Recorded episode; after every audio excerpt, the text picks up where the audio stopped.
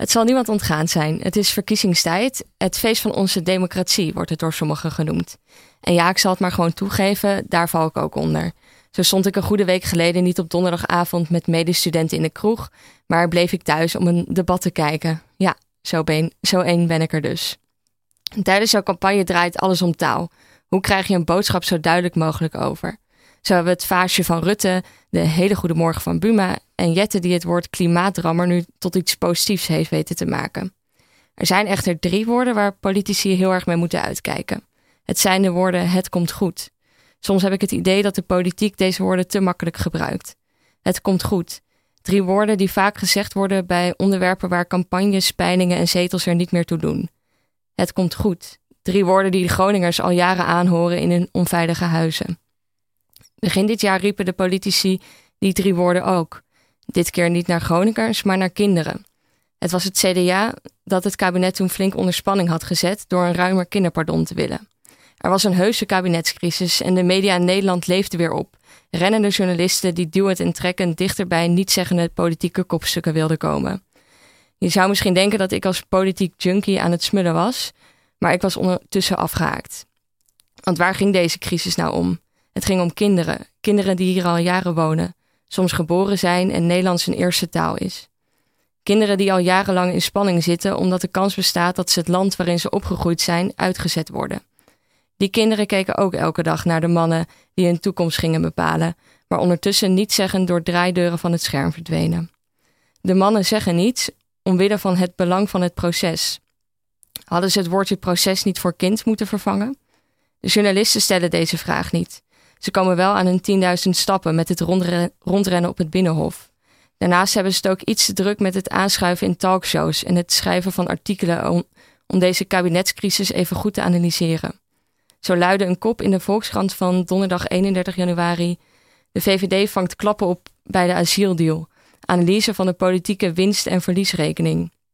Nee, als journalisten dit soort koppen moeten bedenken, snap ik dat ze het iets te druk hebben om aan de kinderen te denken die zelf al jarenlang de klappen van hun asieldoel aan aan het opvangen zijn.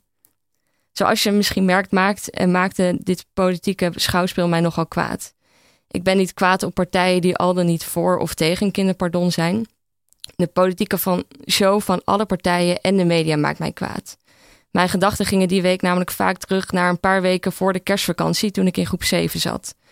Op een ochtend hadden wij gym en we stelden ons gebruikelijk twee en twee op om met de meester naar de gymzaal te lopen. Ik miste die ochtend alleen een vriendje. Gym was zijn favoriete uur en tijdens het lopen naar de gymzaal hadden wij met een groepje altijd een tennisbal die wij al lopend heen en weer schoten en bij elkaar proberen door de benen te spelen. Hij was er niet, maar toch vertrokken we. Bij het zebrapad stopte er een politiebusje. Ik woon in een nogal rustig dorp, dus zo'n blauw, zag, busje zag je zelden. En de gymles zat weer op en terug op school was mijn vriendje er nog steeds niet. Wel was er een moeder van een ander klasgenootje. Ze had die ochtend gezien dat ons klasgenootje door een politiebusje met zijn moeder en zijn twee kleine broertjes was opgehaald. Ze zaten nu in een AZC en ze zouden uit Nederland gezet worden. Wij snapten er niks van.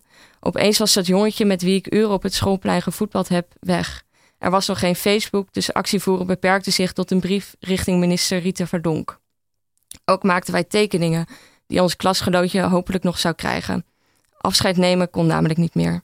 Er was niks aan te doen en ze zouden voor kerst het land uitgezet worden. Een paar dagen voor de kerstvakantie sprintte ik ochtends naar school. Net als nu was ik toen ook altijd aan de late kant. Meestal stond de deur dan nog op een kiertje, maar nu was de deur wagenwijd open en stond mijn meester in de deuropening. Ik kwam aanlopen en hij zei: Zo, nu zijn we weer compleet. Ga maar snel kijken wie er is. Ik liep de klas binnen en zag dat mijn vriendje weer terug was. De situatie in het land waar ze heen moesten was ineens verslechterd, waardoor ze toch in Nederland mochten blijven. In een kringgesprek deed hij zijn verhaal. Ze mochten het AZC niet verlaten. Hij had het gevoel dat hij in een gevangenis had gezeten. Hij beschreef de hoge hekken en het prikkeldraad en dat hij gewoon heel graag naar huis wilde. Maar naar huis kon niet meer. De gemeente had het huurhuis alweer aan anderen beschikbaar gesteld. Hij zou het schooljaar ergens anders af moeten maken. Voor elfjarige kinderen is dit niet te bevatten. We pakten daarom maar snel ons tennisballetje en gingen weer voetballen op het schoolplein, zoals we altijd hadden gedaan. Dus ja, hier denk ik aan als ik politici tegen protesterende kinderen op het binnenhof hoor zeggen dat alles goed komt. Het komt goed. Eerst zien, dan geloven is de reactie van de kinderen. Want goedgelovig zijn ze immers al lang niet meer.